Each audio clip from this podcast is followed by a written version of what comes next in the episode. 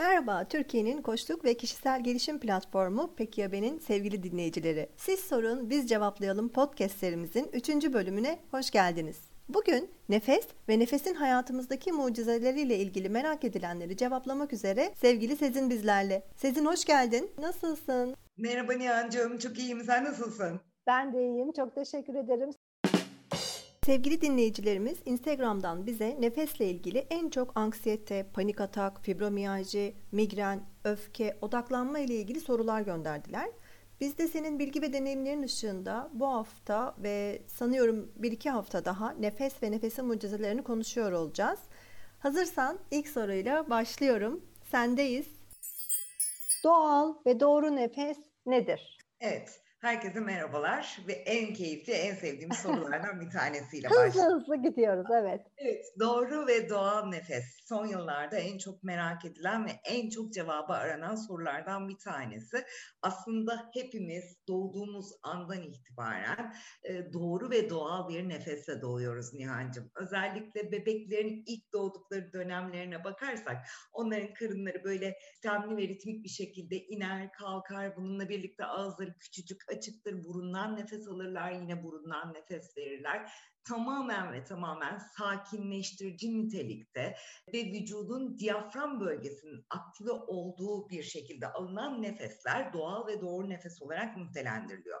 Ama genel anlamda yaşadığımız hayatın içerisine baktığımızda şimdi bana diyecekler ki burundan alıp burundan vermek, ağızdan alıp ağızdan vermek ya da bununla birlikte işte daha farklı solunum şekilleri doğru mudur, yanlış mıdır diye bir soru sorarlarsa aslında nefes kendiliğinden olması gereken süreçte olması gerektiği gibi alınıp verilen ve vücudun oksijen ihtiyacını maksimum seviyede karşılayabilmek adına düzenlenmiş muhteşem bir sistem. Kimi zaman burundan alıp burundan vermek, mesela bir dinlenme anında kendimizi sakinleştirdiğimizde ya da işte yemek yedikten sonra şöyle bir uzanıp keyfimize bakalım dediğimiz anlarda genelde sakin, diyaframın ağırlıklı olduğu ve daha sığ nefesler alarak hayatımıza devam ederiz. İşte bir spor esnasındaysak, koşuyorsak, yürüyorsak daha fazla oksijene ihtiyacımız olduğu için daha hızlı nefesler alıp veririz.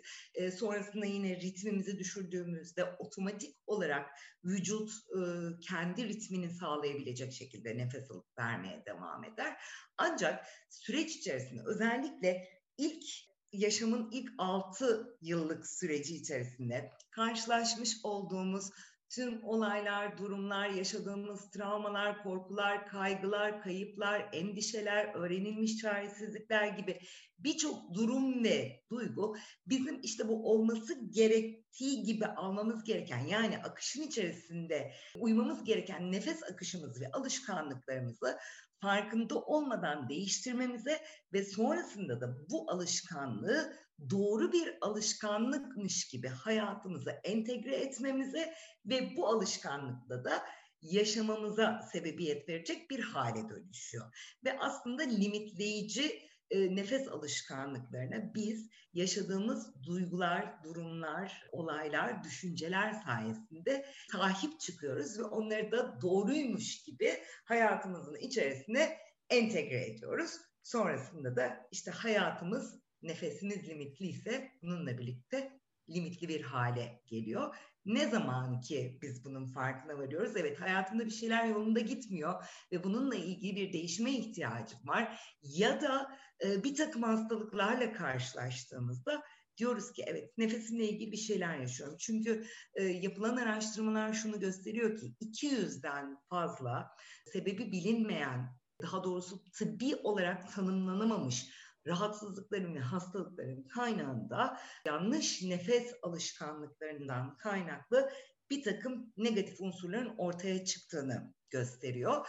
Doğru nefes alışkanlıkları ve vücudun doğru bir şekilde oksijenle beslenmesi aslında hem sağlığımızı koruyabilmek adına bir hastalık önleyici metabolizma olarak hareket ediyor. Hem de bununla birlikte ruhsal, psikolojik ve zihinsel sürecimizi çok ciddi anlamda e, düzenlememize aracılık ediyor.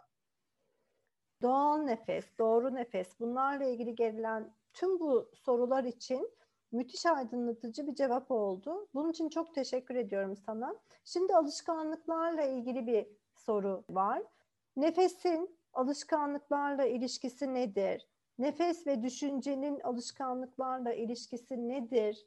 Düşünceler, duygular, nefes hepsi birbiriyle o kadar girift ki özellikle tarihin bu döneminde bizler hepimizin genel anlamda değerlendirdiğimizde yaşamlarımız müthiş bir paradoks içinde Nihan. Binalarımız, otoyollarımız, işte yaşadığımız mekanlar sürekli büyüyor, bakış açıları değişmeye başlıyor. Gittikçe daha fazla e, sosyal ortamlarda bulunuyoruz, daha fazla tüketiyoruz ama sahip olduklarımız azalıyor maalesef ki. Ters orantılı işlemeye devam ediyor.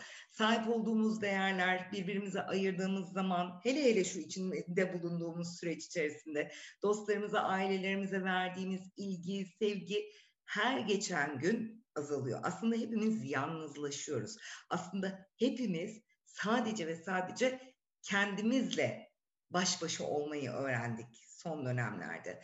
Bakıyorum kullandığımız ilaç sayılarımız hızla artmaya devam ediyor. Tıbbi destekler son derece önemli. Bizim yapmış olduğumuz çalışmaların tamamı alternatif destekler olarak bilinse de kişilerin hayatlarında maalesef ki artık gerçekten vücudumuza çok daha fazla alkol, çok daha fazla sigara, çok daha fazla harcama, çok daha negatif unsurlar çok daha az kahkaha ekler olmaya başladık maalesef ki. Bu da tamamen duygularımızın içerisinde müthiş bir kaos yaratmaya başladı. Duygular otomatik olarak hep düşünceleri tetikleyen unsurlar halinde. Bizler Türk toplumu olarak çok ciddi anlamda duygularıyla yaşayan bir toplumuz. Mantık bizde bir tık daha sonra geliyor. Duygularıyla yaşayan bir toplum olduğumuz için bizim bütün her şeyimiz göğüs alanımızda aktive olmaya devam ediyor. Evet, tamamen duygularımızla. Ve bu noktada son yıllarda özellikle artan panik atak, anksiyete gibi durumlar, işte migren rahatsızlıklarındaki artışlar hepsinin ana temasına baktığımızda hep duyguların tetiklenmesiyle oluşan bir takım rahatsızlıklar olarak karşımıza geliyor. Örneğin göğüs alanında ben duygularımı yaşıyor, eğer karın alanında da mantık alanı ve yaşam alanı dediğim zaman vücudumu iki parçaya ayırırsam şu ortaya çıkıyor. Duygularım aslında benim sempatik sinir sistemi dediğim sistemim tarafından yönetiliyor. Sempatik sinir sistemi bana diyor ki savaş ya da kaç sezin. Yeter ki hayatta kal. Yeter ki hayatta kal ki bundan sonraki sürecinde kendini güven altında hisset. Hayatta kalma duygusu benim bu sefer hangi duygumu tetikliyor? Daha fazla nefes almam lazım. Daha fazla oksijen almam lazım.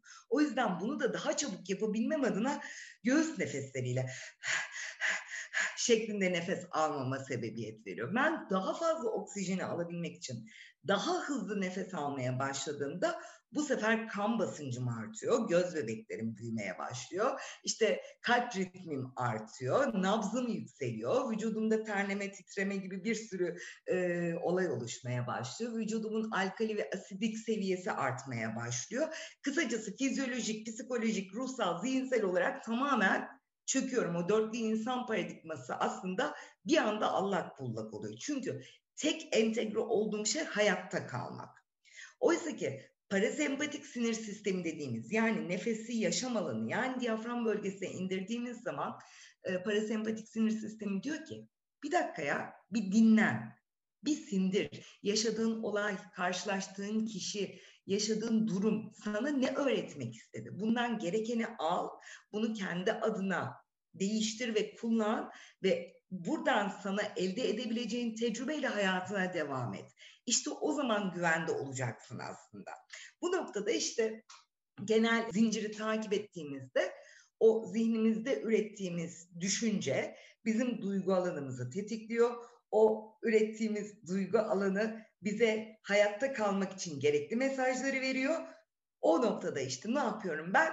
Kendimden vazgeçiyorum. Sadece duygularımın esiri olan ve hayatta karşılaştığım hiçbir durumu sindiremeyen sonrasında da ah bunlar benim başıma neden geldi? Ben niye bunları yaşıyorum? Ya yine ben bu kadar şanssız bir insanım diyerek aslında zihne negatif olumlamalar yaparak bütün psikolojimizi ve fizyolojimizi bozuyoruz. Sadece psikoloji değil dediğim gibi vücut alkali ve asidik dengesini de bozuyor ve böylelikle tamamen vücutta hem meridyenlerde hem zihinde her yerde bir kaos oluşmaya başlıyor. İşte aslında nefes seansı alan kişiler çok iyi bileceklerdir ki bizim yapmaya çalıştığımız şey hem e, nefes seansları esnasında bütünsel nefesin alımını sağlamak. Tıpkı bir sürahiden bir bardağa suyu boşaltır gibi. Önce nefesi aşağıya, sonra yukarıya, sonra yukarıdan aşağıya doğru çıkışını sağlayarak bir sonsuzluk işareti çizerek aslında vücudun tüm alanlarını aktive edebilmek. Bunu yaparken de küçük afirmasyonlarla, küçük olumlamalarla o zihinde var olan negatif düşünceyi pozitife çevirebilmek. Daha doğrusu kök inançların ne olduğunu ortaya çıkartıp onu afirmasyonlarla destekleyerek çok keyifli bir süreci, dönüşümü, değişimi başlatabilmek amacımız. Afirmasyon ve olumlamalar işe yarar mı diye sormuşlar. Bizi bununla ilgili biraz aydınlatabilir misin? Şimdi afirmasyonlar ve olumlamalar tabii ki işe yarar. Çünkü zihnimizdeki sınırlayıcı düşünce alışkanlıklarının iyileştirici, dönüştürücü ve pozitif düşünce alışkanlıklarıyla yeniden programlanmasını sağlayan önemli detaylardır afirmasyonlar ve olumlamalar. Ama son yıllarda artık sosyal medyada yaşadığımız kirlilikten yola çıkarsak o kadar çok olumlama, o kadar çok şey işte para olumlamaları, işte bolluk bereket olumlamaları vesaire gibi birçok şeyle karşılaşıyoruz. Ama eğer kişinin kök inançlarına inip de nedenleri bulamıyorsak, eğer bununla ilgili altyapı çalışmalarını doğru ve düze, düzenli bir şekilde yapamıyorsak, olumlamalar belli bir süre sonra sonuç vermeyecek ve kişiler de diyecekler ki ya o kadar olumlama yapıyorum yapıyorum hiçbir işe yaramadı deyip aslında kendisine fayda olabilecek bir şeylerden vazgeçecekler. O yüzden bu noktada afirmasyonları ve olumlamaları doğru bir şekilde kullanmak ve inançları, kök inançları bulduktan sonra uygulamayı çok daha doğru buluyorum. Mesela olumlamaları ne kadar yapıyoruz diye de sorabilir kullanıcılarımız. Günde en az 3-4 en çok 10 defa uygulanması gereken çalışmalar, olumlamalar. Ancak dediğim gibi sadece ve sadece olumlamaları uygulamak kesin sonuç vermiyor. Çünkü limit değil, özellikle nefes e, alanında değerlendirirsek bunları, limitleyici nefes alışkanlığı olan kişi gün içine, gün içinde farkına varmadan nefesini tutuyor. İnsanlar çok sinirlendiklerinde, geçmişten bir şey onlarda bir çağrışım yaptığında ya da belki de ilk nefeslerini tuttuğu andaki duyguyu yaşadıklarında nefesi tutuyorlar ve bunun farkında olmuyorlar. Nefes tutma aslında negatif düşünce şeklinde birlikte getiriyor, beraberinde getiriyor.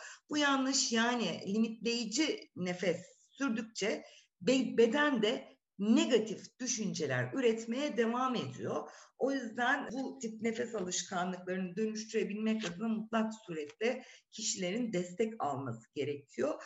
Özellikle anksiyeteden bahsettin az önce. Panik atak özellikle benim çok hassas olduğum konulardan bir tanesi. Çünkü geçmişte panik atak problemini nefesle yenen kişilerden birisiyim.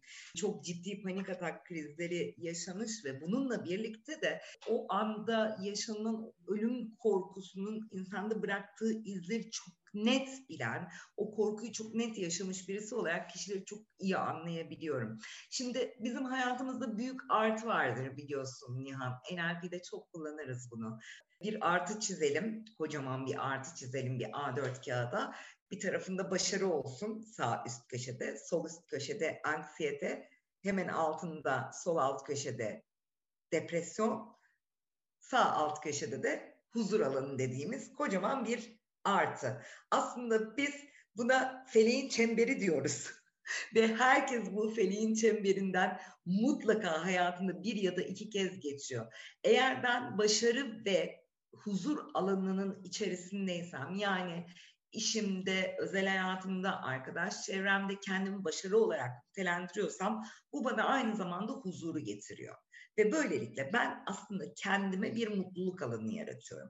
Ne zaman ki başarımla ilgili, arkadaşlık ilişkilerim, iş hayatım, bulunduğum noktada kaybetme korkularım vesaireler devreye giriyor. Yani aslında gelecekte olabilmesi ihtimal dahilinde ama henüz olmamış bir takım şeylerle ilgili kaygı duymaya başlıyorum. İşte orada anksiyete kapımı tık tık tık tık çalıyor.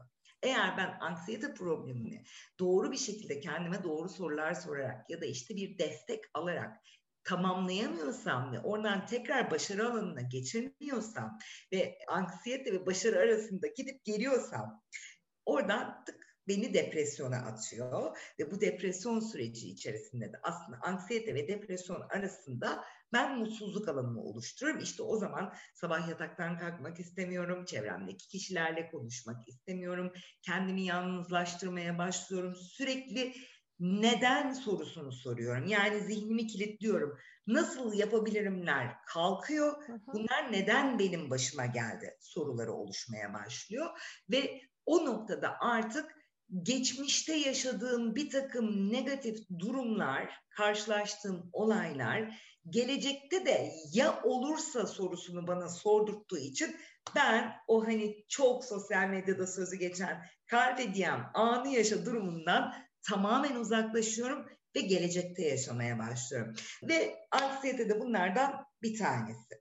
Anksiyete aynı zamanda panik atağı tetikliyor. İşte kalp sıkışıyor, nefes alamamaya başlıyorsun, daralma, duygular karışmaya başlıyor. Ellerde terlemeler, vücutta uyuşmalar, titremelerle ve daha çok nefes alma ihtiyacıyla sizi tetikliyor ve daha çok nefes almaya çalışırken hiç alamama durumuna geliyoruz. Hiç nefes alamamamın sebebinde aslında nefes alacak yerimin kalmaması var. Nefesi aldım. Verdim azıcık. Yani dolu bir bardağa ısrarla su koymaya çalışmak gibi bir şey. Yer tamam. kalmadı. Yani ben de artık bunu koyacak yer yok. Bu sefer de korkuyorum korku başlıyor. Nefesin yetersiz olduğunu düşünmek, nefes alamıyorum dediğin andan itibaren bir mesaj geliyor. Diyor ki tehlikedesin. Hayatta kalman için daha çok nefes almaya ihtiyacın var. Vücudunun oksijene ihtiyacı var. Daha fazla almaya çalışıyoruz. Yer yok. Yer olmadığı için alamıyoruz.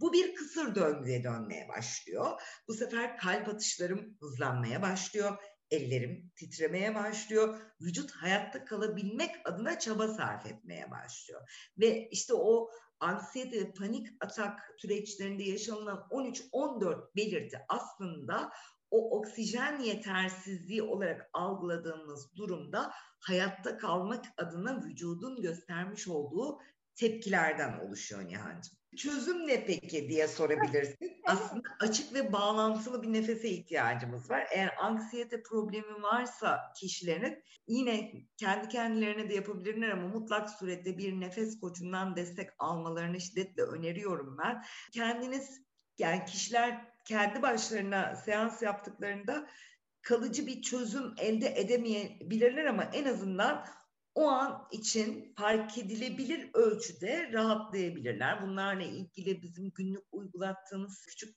egzersizler ve teknikler var. Hani nefes bana yetiyor. Evet aldığım nefes benim hayatta kalabilmem için yeterli ve bunu bu döngüyü sağlayabiliyorum, sakinleşebiliyorum. O anki o sempatik sinir sisteminin uyarılarını parasempatiye dönüştürebilme gibi e, bir yetiye sahibim şeklinde kişiye uygulamalarda çok rahatlıkla e, yol gösterebiliyoruz. Yol arkadaşlığı yapabiliyoruz aslında. E, nefes alıp verirken de kişilerin gün içerisinde uygulamaları gereken olumlamalardan da birazcık bahsedersek aslında güven içindeyim, huzur içindeyim. Tamamen rahatlayabilirim. Dinlenmek, sabretmek ve rahatlamak güvenli. Aynı zamanda bırakmak güvenli gibi afirmasyonları, olumlamaları yapmak lazım. Çünkü nefesi alıyoruz ve tutuyoruz içimizde. Yenisini alıyoruz yine tutuyoruz. Yenisini tekrar alıyoruz tutuyoruz. Aslında bir düşünceyi tutuyoruz orada. O yüzden serbest bırakmak, düşünceyi bırakmak ve nefesi de güvenle vermek son derece önemli. Aslında anksiyete problemi yaşayan kişilerdeki en önemli unsurlardan bir tanesi de bir sonraki gelecek nefese karşı güven de duymamak. Ya alamazsam yine işte kaygı durumu otomatik olarak tetiklemeye başlıyor. Ama bunlar çok rahatlıkla çözümlenebilecek hem tıbbi hem de alternatif desteklerle kişilerin hayatlarını çok da keyifli hale getirebilecek çalışmalarla desteklenebiliyor. Yani şöyle diyebilir miyiz? Kişi kısıtlayıcı nefes alışkanlıklarını kendi kendine aslında değiştirebilir mi? Kişi değiştirebilir ama bununla birlikte bir destek almasında, başlangıç sürecinde hı hı. özellikle destek almasında yarar var. Bu noktada nefes koçluğu ve nefes seansları gerçekten son derece önemli. Birçok danışanım şunu da söylüyor olabiliyordu zaman zaman. Bana nefesin nasıl açılacağını gösterin eve gidip yapayım nefesimi kendim açayım diyebiliyorlar. ee, ama herkes şey istiyor. Hap istiyor. Hani biz kişisel gelişim hapı çalışması evet. yapıyoruz ya. Herkes hap istiyor ama e, herkese onlara uygun bir hap verebilmek. Yani bir hap verdiğiniz zaman herkes iyileşmiyor. Çünkü herkesin limitlenmiş nefes alışkanlıkları birbirinden farklı. O yüzden birebir çalışmalar son derece değerli ve önemli bu noktada. E, o yüzden mutlaka küçük destekler almak ve bu limitleyici alışkanlıkların ana kökenlerini bulabilmek konusunda bir yol arkadaşı edinmekte her zaman yarar görüyorum.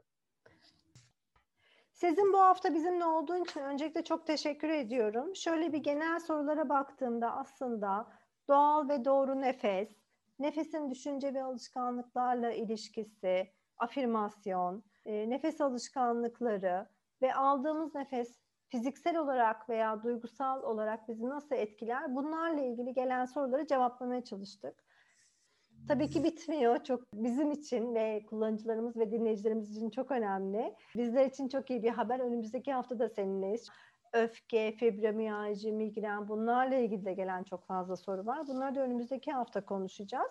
Bu hafta konuştuğumuz bu konularla ilgili ben açıkçası kendimi bir tık ilerlemiş hissediyorum mesela. Bir farkındalık oluştu, nefesle ilgili bir egzersiz yapma tecrübem oldu. Senin vermek istediğin başka bir mesaj olabilir mi?